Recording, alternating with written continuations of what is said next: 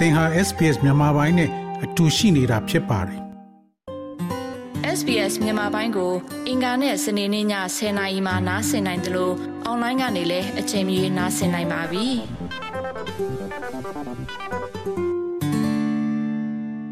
သောရရှိမြခင်ဗျာ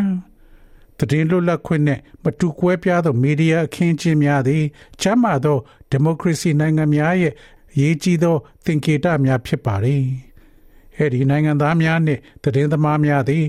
၎င်းတို့ကိုယ်တိုင် ထုတ်ဖော်ပြောဆိုခွင့်သတင်းရယူရနှင့်ထုတ်ဝေရအာဏာရအစိုးရထံမှဝင်ရောက်ဆွဖက်ခြင်းသို့မဟုတ်ကလေးစားချေခြင်းများကို မကြောက်ရွံ့ပဲထုတ်ဝေပိုင်ခွင့်ရှိရမှာဖြစ်ပါれ။တရင်လိုလခွင့်ကို ဖွဲ့စည်းပုံခြေခံဥပဒေကအာမခံမပေးတော့လဲဩစတြေးလျသည်ကမ္ဘာစားနေစဉ်လွတ်လပ်ခွင့်ညွန်ကိန်းတွင် ထိပ်တန်းနိုင်ငံ40တွင်အဆင့်သတ်မှတ်ထားခံရပါတယ်။ဒီတော့ဒီမိုကရေစီစနစ်မှာမီဒီယာတွေရဲ့အခမ်းအနားကဘလို့အရေးကြီးပါလဲ။ဩစတြေးလျရှိစီးပွားဖြစ်မီဒီယာများနဲ့အများပြည်သူငွေကြေးထောက်ပံ့သည့်ရုပ်သံလွှင့်သူများသည်မြည်တို့ကွာခြားပါသလဲ။နိုင်ငံရခြားတွင် တွေ့ရသောနိုင်ငံပိုင်မီဒီယာများမှ၎င်းတို့ကိုအဘေရာကခြားနားစေပါသလဲ။ ဩစတြေးလျမှာပုဂ္ဂလိကပိုင်မီဒီယာများနဲ့ပြည်သူလူထုအတိုင်းဝိုင်းကွန်ရက်များပါဝင် outlet များစွာရှိပါတယ်။နိုင်ငံသည်အခွန်ဝင်ငွေမှတဆင့်အများသူငါဝန်ဆောင်မှုပေးတဲ့ရုပ်သံလွှင့်ဌာနနှစ်ခုကိုလည်းထောက်ပံ့ပေးပါတယ်။၎င်းတို့မှာ Australia Broadcasting Corporation ABC နဲ့ Special Broadcasting Service SBS တို့ဖြစ်ပါတယ်။ ပုဂ္ဂလိကပင်မမီဒီယာများသည် အမျက်အစွန်းနှင့်အစင်းသတ်မှတ်ချက်များအတွက်အကြောင်းအရာများကို ထုတ်လုပ်ပါတယ်။သူတို့ရဲ့စီးပွားဖြစ်စပွန်ဆာတွေရဲ့သူတို့ရဲ့အကျိုးစီးပွားတွေကို ဖြေချပေးပါတယ်။စัจจิပဲအားဖြင့်အများပြည်သူပိုင်းရုပ်သံထုတ်လွှင့်သူများသည်၎င်းတို့အားငွေကြေးထောက်ပံ့တဲ့ပြည်သူလူထုအတွက်တာဝန်ရှိပါတယ်။ Christian Porter သည်အများသူငါမီဒီယာနဲ့ သတင်းစာပညာရဲ့အဓိကတန်ဖိုးများကို ထောက်ခံအားပေးတဲ့ကမ္ဘာလုံးဆိုင်ရာအများသူငါမီဒီယာများဆိုင်ရာအကြီးမားဆုံးအသင်းအဖွဲ့ဖြစ်တဲ့ Public Media Alliance ရဲ့ CEO ဖြစ်ပါတယ်။လူထုကိုစားပြုရုပ်သံလွှင့်ဌာနများသည်ပြည်သူကိုတိကျစွာသိပေးရန်လိုအပ်တယ်လို့၎င်းကဆိုပါတယ်။ They should be free from government or overt commercial interference. They should have oversight from ideally some sort of independent regulator. And provide impartial news and quality content that informs, educates, and entertains all of society. Public media should also be a reliable source of information in times of emergencies, crises, and a reliable counter to ၎င်းတို့သည်ရေဘူးရအားဖြင့်တေချာလွတ်လပ်သောထိနှိမှုမျိုးမှချီးချက်ကိုကဲသင့်ပါれ ဗမ်လိုက်သောသတင်းနှင့်အရေးသွေးရှိသောအကြောင်းအရာများကိုပေးဆောင်ရန်ပညာပေးခြင်းနှင့်လူအဖွဲ့အစည်းအားလုံးကိုဖျော်ဖြေပေးရမှာပါပြည်သူလူထုပိုင်းမီဒီယာများသည်အရေးပေါ်အခြေအနေများသို့မဟုတ်အချက်တဲများအတွင်းယုံကြည်စိတ်ချရသောသတင်းအရေးမြစ်တစ်ခုဖြစ်သင့်ပြီးသတင်းမှားများနဲ့မဟုတ်မမှန်လောက်ကျမှုများကိုတံပြန်ရန်ယုံကြည်စိတ်ချရသောသတင်းအချက်လက်များဖြစ်သင့်ပါတယ်၎ င်းတို့ဟာတကဘာလုံးအတိုင်းတာဖြင့်ရရှိနိုင်ပြီးမတူကွဲပြားသောပရိသတ်များထံရောက်ရှိကာအထူးသဖြင့်ရွေးကောက်ပွဲကျင်းပတဲ့ချိန်များမှာဒီမိုကရေစီကိုအသိပေးသင့်ပါတယ်ပြည်သူပိုင်မီဒီယာများသည်၎င်းတို့အားမြေကဲ့သို့ငွေချေးထောက်ပံ့သည့်စီမံခန့်ခွဲပုံနှင့်၎င်းတို့ရဲ့ငွေကိုမြေကဲ့သို့သုံးစွဲသည်ကိုဖော်ပြသင့်ပါသည်။ Wendy Bacon သည်စုံစမ်းစစ်ဆေးရေးသတင်းထောက် နိုင်ငံရေးတက်ကြွလှုပ်ရှားသူဖြစ်ပြီးပညာရှင်တဦးဖြစ်ပါတယ်။သူမသည် University of Technology Sydney UTS တွင်သတင်းစာပညာဆိုင်ရာပေါမောက်ခဖြစ်ခဲ့သည်မှာဆယ်စုနှစ်နှစ်ခုရှိပြီဖြစ်ပါတယ်။ပြည်သူလူထုပိုင်မီဒီယာသည်ခြေပြန့်သောအတိုင်းဝိုင်းရဲ့ကွဲပြားသောလိုအပ်ချက်များနဲ့အမြင်များကို ထင်ဟပ်စေတဲ့အသံမျိုးစုံနဲ့ program ရေးသားမှုပုံစံများအတွက် platform တစ်ခု ပံ့ပိုးပေးတယ်လို့သူမကဆိုပါတယ်။ပုဂ္ဂလိကပိုင်းမီဒီယာများသည်နိုင်ငံပိုင်းမီဒီယာများနှင့်ဆန့်ကျင်ဘက်ဖြစ်ပါတယ်။ purpose of that media is to be a voice for whichever government is in control of that society, an arm for government. Now, that's very different from the idea of independent broadcasting where funding ထိုမီဒီယာများရဲ့ရည်ရွယ်ချက်မှာမြည်သည့်အစိုးရကမဆို၎င်းတို့ရဲ့အဖွဲ့အစည်းကိုထိန်းချုပ်ကင်ထားတဲ့အစိုးရလက်ရုံးတစ်ခုအတွက်အသံဖြစ်ရန်ဖြစ်ပါတယ်။အခုကလွတ်လပ်တဲ့ ရုပ်သံလွှင့်တဲ့အယူဆနဲ့တော်တော်ကွာခြားပါတယ်။ရန်ပုံငွေတွေက လူထုစီကရနိုင်ပါတယ်။ဒါပေမဲ့တနည်းတစ်ပုံအားဖြင့်သတင်းတန်ဖိုးသတင်းအချက်လက်တွေကိုလူအဖွဲ့အစည်းကိုအကျိုးပြုစေတဲ့အရာတွေနဲ့ပတ်သက်ပြီးစီရင်ဆုံးဖြတ်နိုင်စွမ်းရှိတဲ့မီဒီယာတွေကိုထောက်ပံ့ခြင်းဖြစ်ပေးဆောင်ပါတယ်။လူထုမီဒီယာသည် editor အားပေါ်လွတ်လပ်မှုအစိုးရနှင့်နိုင်ငံရေးပါတီအားလုံးကိုလွတ်လပ်စွာ ဝေဖန်ခွင့်ရှိရမယ်လို့ပေါမောက်ခဘေကင်ကထပ်လောင်းပြောဆိုပါတယ်။ဆိုလိုတာကဒီရုပ်သံလွှင့်သူတွေကဘယ်သတင်းကိုသတင်းပို့ရမယ်ဘယ်လိုဆုံးဖြတ်ရမလဲဆိုတာကိုပါ For that to happen, there has to be in place arrangements to protect that independence. For example, the Minister for Communications does not have direct ခဲ့တာဖြစ်ဖို့အတွက်မီဒီယာလွတ်လပ်ခွင့်ကိုကာကွယ်ဖို့အစီအမံတွေရှိရမယ်။ဥပမာအားဖြင့်ဆက်သွယ်ရေးဝန်ကြီးသည်ပြည်သူလူထုရဲ့အသံလွှင့်ဌာနကိုဓာတ်ရိုက်ထိန်းချုပ်ခွင့်မရှိပါဘူး။တဲ့မှာနိုင်ငံပိုင်မီဒီယာတွေရှိပေမဲ့ဒါဆိုဝန်ကြီးကဓာတ်ရိုက်ညွှန်ကြားချက်မပေးနိုင်ပါဘူး။ နိုင်ငံပိုင်မီဒီယာများကို ထိန်းချုပ်မှုသည် အာဏာရှင်အစိုးရများအုပ်ချုပ်သောနိုင်ငံများတွင် အဖြစ်များပါတယ်။များသောအားဖြင့်အစိုးရနှင့်ရင်းနှီးသော အမျိုးသားရေးဝါဒီအကြောင်းအရာများကို ထုတ်ဝေကြပါတယ်။ပြည်သူပိုင်မီဒီယာသည်ဒီမိုကရေစီရဲ့မန်တိုင်တစ်ခုဖြစ်ပြီးလူထုအငြင်းပွားမှုနဲ့စီစစ်မှုကို အားပေးပါတယ်။နီဂျက်ဘာဆာသည် SBS Turkish ရဲ့အမှုဆောင်ထုတ်လုပ်သူဖြစ်ပါတယ်။ Australia မှာ SBS Radio မှာအလုံးမလုံးခင်က သူဟာတူရကီမှာသတင်းတောက်လုပ်ခဲ့ပါတယ်။အဆိုအသည်ဓာတ်ရိုက်ဖြစ်စေနိုင်ငံတော်ကကမကထပြုသောမီဒီယာမှတဆင့်ဖြစ်စေသို့မဟုတ်အစိုးရကိုယ်စားလှယ်များပိုင်ဆိုင်တဲ့ပင်မမီဒီယာများမှတဆင့်အစီရင်ခံတင်ပြခြင်းအပေါ်အပြည့်အဝထိန်းချုပ်ထားကြောင်း၎င်းကပြောဆိုပါတယ် It's 100% government propaganda. There is no deviation from government policies and what the government wants. You don't have the opportunity to deviate anyway. တရားရာဂိုင်နှုန်းဝါဒဖြန့်မှုပါအစိုးရရဲ့မူဝါဒများနဲ့အစိုးရလိုလားချက်များကိုတွေ့ဖီမှုမရှိပါဘူး။သင်မှာဘာပဲဖြစ်ဖြစ်တွေ့ဖီဖို့အခွင့်အရေးမရှိဘူး။သင်ကိုထုတ်ဝေခွင့်ပြုချက်ပေးမှာမဟုတ်ပါဘူး။သင်ဟာရုံမြင့်တန်ကြားပေါ်မှာရှိနေတော့မှာမဟုတ်ပါဘူး။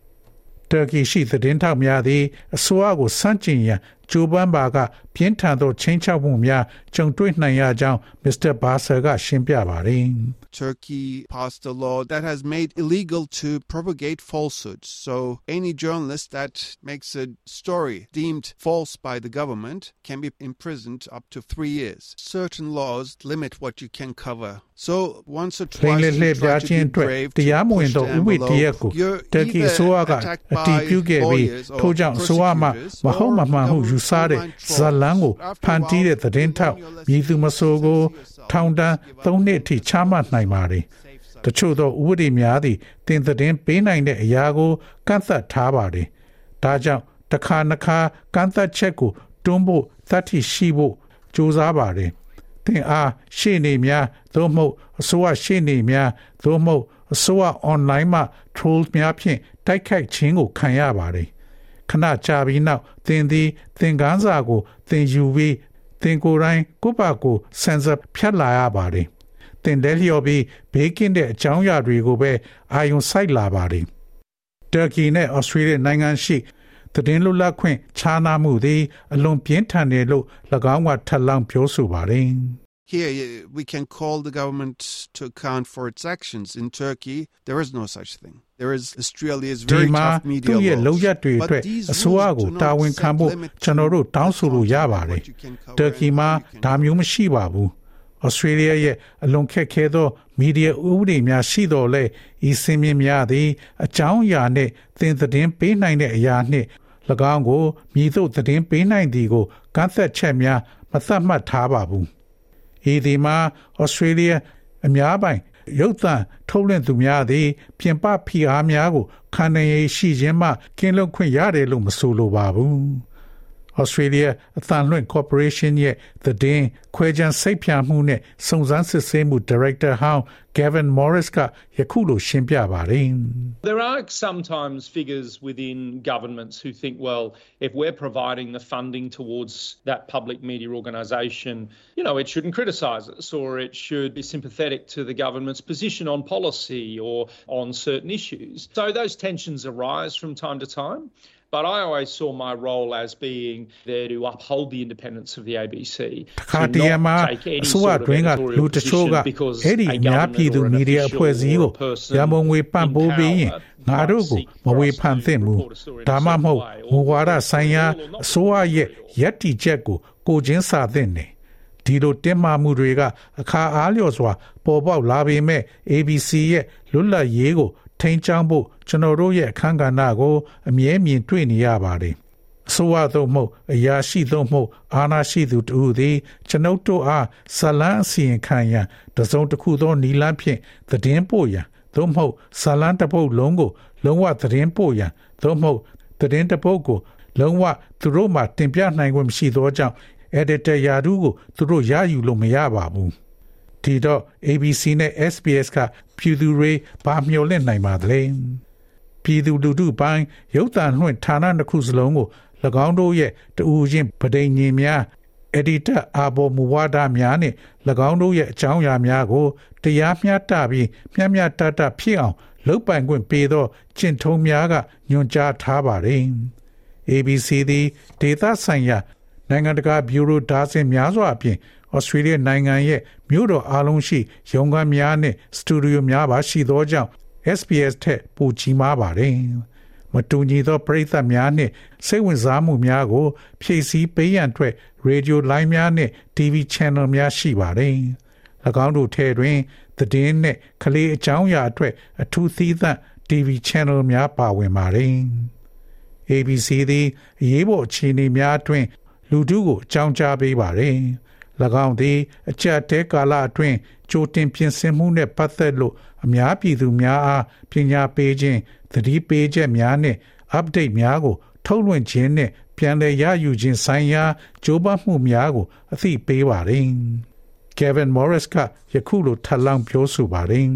In recent years, that has grown for the ABC because of its big regional and rural footprint, where emergency broadcasting and the အခြားသေးမီနှစ်များအတွင်းယာဒီဥတုပြောင်းလဲမှုကြောင့် ABC ကြီးထွားလာခဲ့တဲ့အခန်းကဏ္ဍကိုတိုးမြင့်လာစေရန်တေချာစေခဲ့ပါတယ်။ ဒါပေမဲ့လည်းအရေးပေါ်အသံလွှင့်ခြင်းနဲ့အရေးပေါ်သတင်းအချက်အလက်များပံ့ပိုးခြင်းသည်ရခင်ကထက်၎င်းရဲ့အခန်းကဏ္ဍအတွက်အဓိကအချက်အချာကျသောဒေသနှင့်ကျေးလက်ခြေရာကြောင့်ဖြစ်ပါတယ်။ SBS သည်ဩစတြေးလျနိုင်ငံရဲ့ယဉ်ကျေးမှုဘောင်းစုံနဲ့ဘာသာစကားဘောင်းစုံအမျိုးသားအများပြည်သူပိုင်းအသံလွှင့်ဌာနဖြစ်ပါတယ်။၎င်းသည်ရုပ်မြင်သံကြား channel များတွင် နိုင်ငံတကာ program များအပြင် အင်္ဂလိပ်ဘာသာဖြင့်သတင်းဝန်ဆောင်မှုများနှင့်တခြားဘာသာစကားများစွာ ပါဝင်ပါတယ်။၎င်းသည်အင်္ဂလိပ်ဘာသာစကားမဟုတ်သော နောက်ခံမှလူများကို၎င်းတို့ရဲ့ဇာတိနိုင်ငံမှသတင်းအချက်အလက်များဖြင့်ဖျော်ဖြေရေးများကို ပေးဆောင်ပါတယ်။ SBS သည် Australia ရဲ့အမျိုးသားဌာနေတိုင်းသားရုပ်မြင်သံကြား NITV သည် First Nation ရှုထောင့်မှအကြောင်းအရာများကို တင်ပြပေးပါတယ်။ David Hua သည် SBS ရဲ့ Audio Language Content ရဲ့ Director ဖြစ်ပါတယ်။ဘာသာစကား60ကျော်ဖြင့် program များကိုထုတ်လွှင့်တဲ့ SBS Radio ကိုကြီးကြပ်သူဖြစ်ပါတယ်။၎င်းက SBS was set up very um, distinctively to service multicultural and multilingual Australians. Now, that's not to say that the ABC doesn't SBS သည် have multicultural ယဉ်ကျေးမှုပေါင်းစုံနဲ့ Australians ဘာသာစကား charter, မျိုးစုံ but SBS ရှိသော is particularly Australia နိုင်ငံသားများကို ဝန်ဆောင်မှုပေးရန်အတွက်အလွန်ထူးခြားစွာ ဖွဲ့စည်းထားပါသည် ABC တွင်၎င်းရဲ့ပဋိညာဉ်တွင်ယဉ်ကျေးမှုပေါင်းစုံ Australia နိုင်ငံသားများအတွက်မရှိဟုမဆိုလိုတော့လဲ SBS သည်ထိုအကြောင်းကြောင့်အထူးလုပ်ပိုင်ခွင့်ပေးထားပါသည် SBS သည်1980ခုနှစ်များအလယ်ပိုင်းတွင်အစိုးရမှရန်ပုံငွေနှင့် စေနာဝန်တန်းလှုပ်ဆောင်သောရေဒီယိုဝန်ဆောင်မှုနှစ်ခုအဖြစ်ဘာသာစကားရှစ်မျိုးဖြင့်စတင်ထုတ်လွှင့်ခဲ့ပါတယ်။ဩစတြေးလျတွင်ဆေးဘက်ဆိုင်ရာဝန်ဆောင်မှုများမိသို့ရယူရမည်ကိုရွှေပြောင်းနေထိုင်သူများအားအကြံပေးရန်အတွက်စိတ်ကူးဖြင့်လှုပ်ဆောင်ထားတာဖြစ်ပါတယ်။ SBS Radio သည်တည်တည်သာသာတိုးချဲ့လာခဲ့ပါတယ်။ယခုအခါ၎င်းသည် The Settlement Guide အပါအဝင် Digital သတင်းနှင့် podcast များကိုဘာသာစကားများစွာဖြင့်ထုတ်ဝေလျက်ရှိပါတယ်။ David Haga. It is very much targeted to audiences in Australia who speak different languages, and their needs are very, very broad. The service is designed to help people understand as much as possible about Australia, the way in which things work, including our government, ၎င်း our သည်မ bureaucracy, တူညီသော our ဘာ school သာစကား system, ပြော our တတ်တဲ့ emergency ဩစတြေးလျ systems ရှိ and ပရိသတ် the များ like. ကို People are ပြစ်မှတ်ထားပြီး၎င်းတို့လိုအပ်ချက်မှာအလွန်ကျေပြန့်ပါတယ်ဩစတြေးလျအကြောင်းလူတွေကိုအတတ်နိုင်ဆုံးနားလည်အောင်ကူညီပေးဖို့ဝန်ဆောင်မှုကိုဒီဇိုင်းလုပ်ထားတာပါ ကျွန်ုပ်တို့ရဲ့အစိုးရကျွန်ုပ်တို့ရဲ့ bureaucracy ကျွန်ုပ်တို့ရဲ့ကျောင်းစနစ်ကျွန်ုပ်တို့ရဲ့အရေးပေါ်စနစ်များအပါအဝင်အရာများစွာလှုပ်ဆောင်တဲ့နီလန်းများကို တင်ပြပြီးသို့မှသာလူများကို အတတ်နိုင်ဆုံးဒီမှာနေထိုင်မှုစတင်စေရန်အတွက်ဖြစ်ပါတယ်ဒီမိုကရေစီနိုင်ငံများတွင်မီဒီယာကွဲပြားမှုကို အာမခံရန်အတွက်စီးပွားဖြစ်မီဒီယာများလည်းလိုအပ်ပါတယ်။ Cassie Derrick သည် Media Entertainment နဲ့ Art Alliance Media Section ရဲ့ Director ဖြစ်ပါတယ်။ MEAA သည် အများသူငါနဲ့စီးပွားရေးမီဒီယာများမှသတင်းထောက်များကို ကိုစားပြုတဲ့ဩစတြေးလျနိုင်ငံရဲ့အကြီးဆုံးသမဂ္ဂဖြစ်ပါတယ်။ဒီစီးပွားဖြစ်မီဒီယာတွေက လူထုဟောပြောချက်တွေကို တန်ဖိုးထားတတ်တယ်လို့သူမကပြောဆိုပါတယ်။ The role of commercial media is also really critical in that it can either be more niche or at least provide a different perspective. And I think it's really, you know, it's really crucial that people who are in Australia have access to as စီ many ဝါ different ဖြစ်မီဒီယာရဲ့ perspectives and as many အခန်းကဏ္ဍ different သည် approaches to အလွန်အ telling ရေးကြီးပါ stories တယ် as possible. ၎င်းသည်ပို၍သာလွန်ကောင်းမွန်နိုင်တဲ့သို့မဟုတ်အ ਨੇ ဆုံးမတူညီသောရှုထောင့်ကိုပေးစွမ်းနိုင်သောကြောင့်ဖြစ်ပါတယ် ပြီးတော့ဩစတြေးလျမှာရှိတဲ့လူတွေဟာမတူညီတဲ့ရှုထောင့်တွေနဲ့ပုံပြင်တွေပြောဖို့တတ်နိုင်သမျှကွဲပြားတဲ့ချီးကပ်မှုများစွာကိုရရှိနိုင်ဖို့တကယ်ကိုအရေးကြီးတယ်လို့ကျွန်မထင်ပါတယ် Professor Wendy Bacon သည် Public and Commercial များတွင်သတင်းသမားများဖြင့်လုပ်ကင်ခဲ့သူတစ်ဦးဖြစ်ပါတယ်။စီဝါဖြင့်မီဒီယာတချို့ရဲ့ကဏ္ဍများသည် အများသူငါစိတ်ဝင်စားပွဲ journalism ဖြစ်တော်လဲ၎င်းတို့ရဲ့အကြောင်းအရာအများစုသည်ကြော်ညာမှတဆင့်ဝင်ငွေတိုးစေရန်ပြည်သက်ကြီးများအားဆွဲဆောင်နိုင်ရန်ဒီဇိုင်းလုပ်ထားခြင်းဖြစ်တယ်လို့သူမကဆိုပါတယ်။ The whole purpose of that media is to make as much money as possible. Now, that means that the advertisers will only advertise if they feel the content is drawing people towards the program, so they will see the advertisement. It's not a direct relationship, although it can be. We have two very big companies. အဲ့ဒီ uh, မီဒီယာ the ရဲ့ရည် biggest ရွယ်ချက် being တစ်ခုလုံးက owned by, တတ် uh, နိုင်သလောက် Rupert Murdoch ပတ်စံရှာဖို့ပါ News Corporation. ဆိုလိုဒီမှာ They have ကြော်ညာသူများရဲ့အကြောင်းအရာများသည့် program စီ တို့လူများကိုဆွဲဆောင်လာသည်ဟုခံစားမိမှသာကြော်ညာကြမှာဖြစ်ပါတယ်ထို့ကြောင့်၎င်းတို့သည်ကြော်ညာကိုအဓိကထားပါတယ်တိုက်ရိုက်ဆက်ဆံရေးမဟုတ်ပေမဲ့လည်းဒါကဖြစ်နိုင်ပါတယ်ကျွန်ုပ်တို့တွင်အလွန်ကြီးမားသော company နှစ်ခုရှိပြီးအကြီးဆုံးမှာ Rupert Murdoch News Corporation မှပိုင်ဆိုင်ပါတယ်သူတို့မှာသတင်းစာတွေရှိတယ်ဩဇာရှိတဲ့ radio တွေရှိတယ်ဩဇာရှိတဲ့ရုပ်မြင်သံကြားတွေလည်းရှိပါတယ် News Corporation အပြင် Australia ရဲ့ Capital Equity မှထိန်းချုပ်သော ASX စီရင်ဝင် company ဖြစ်တဲ့ Seven West Media ရှိပါတယ်ထို့အပြင် Nine Entertainment Publishing နဲ့ Broadcasting Limited BBL နဲ့ Fairfax Media တို့ကြားပေါင်းစပ်ထားမှုတွေရှိပါတယ်။ဤ company ဟောင်းတစ်ခုကို Packer နဲ့ Fairfax မိသားစုများမှတည်ထောင်ခဲ့ခြင်းဖြစ်ပါတယ်။ Public Media Alliance အမှုဆောင်အရာရှိချုပ် Kristen Porter ကပုဂ္ဂလိကပိုင်ဆိုင်ခွင့်ရဲ့အားနည်းချက်မှာတချို့သော outlet များသည်တီးဖြတ်မှုတွင်လှည့်ပြားနေနိုင်တယ်လို့ဆိုပါတယ်။ often commercial outlets will be beholden in their editorial values to their owners. And often their owners can help decide what approach their reporters will take to certain news topics. In some countries, the commercial press is largely seen to be right wing supporting. မကြာခဏဆိုလိုစီဝါဖြစ်အောက်လက်များသည့်၎င်းတို့ရဲ့ editor အားပေါ်တံပိုးများကို၎င်းတို့ပိုင်ရှင်များကထိန်းချုပ်ထားကိုမြင်တွေ့ရနိုင်ပါတယ်။ မကြာခဏဆိုသလို၎င်းတို့ရဲ့ပိုင်ရှင်များသည်သတင်းထောက်များချီးကားမဲ့သတင်းအကြောင်းအရာများကိုဆုံးဖြတ်ရာတွင် ပါဝင်လေ့ရှိပါတယ်။တချို့နိုင်ငံများတွင်စီဝါဖြစ်စာနယ်ဇင်းများသည်ညာဘက်ဝါဒီများကို ထောက်ခံအားပေးတယ်လို့အများကမြင်ကြပါတယ်။ဒါကြောင့် Murdoch Press နဲ့ပတ်သက်ပြီးဥပမာအားဖြင့် Australia နဲ့ UK တွင်၎င်းမီဒီယာများသည် conservative အစိုးရများကို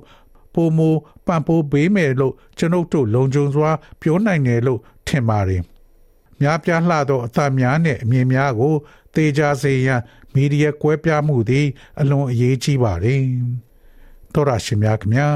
SBS သတင်းဌာနက Claudiana Blanco ရဲ့ဆောင်းပါးကိုဘာသာပြန်တင်ဆက်ပေးထားတာဖြစ်ပါတယ်ခင်ဗျာ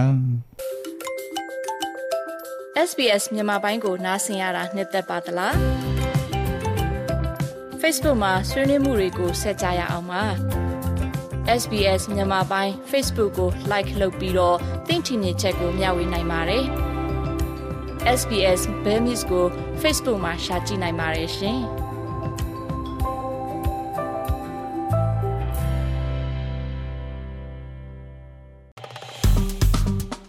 SPS မြန်မာပိုင်းကို Facebook ပေါ်မှာ like ရှာပြီး like မျှဝေမှတ်ချက်ပေးပါ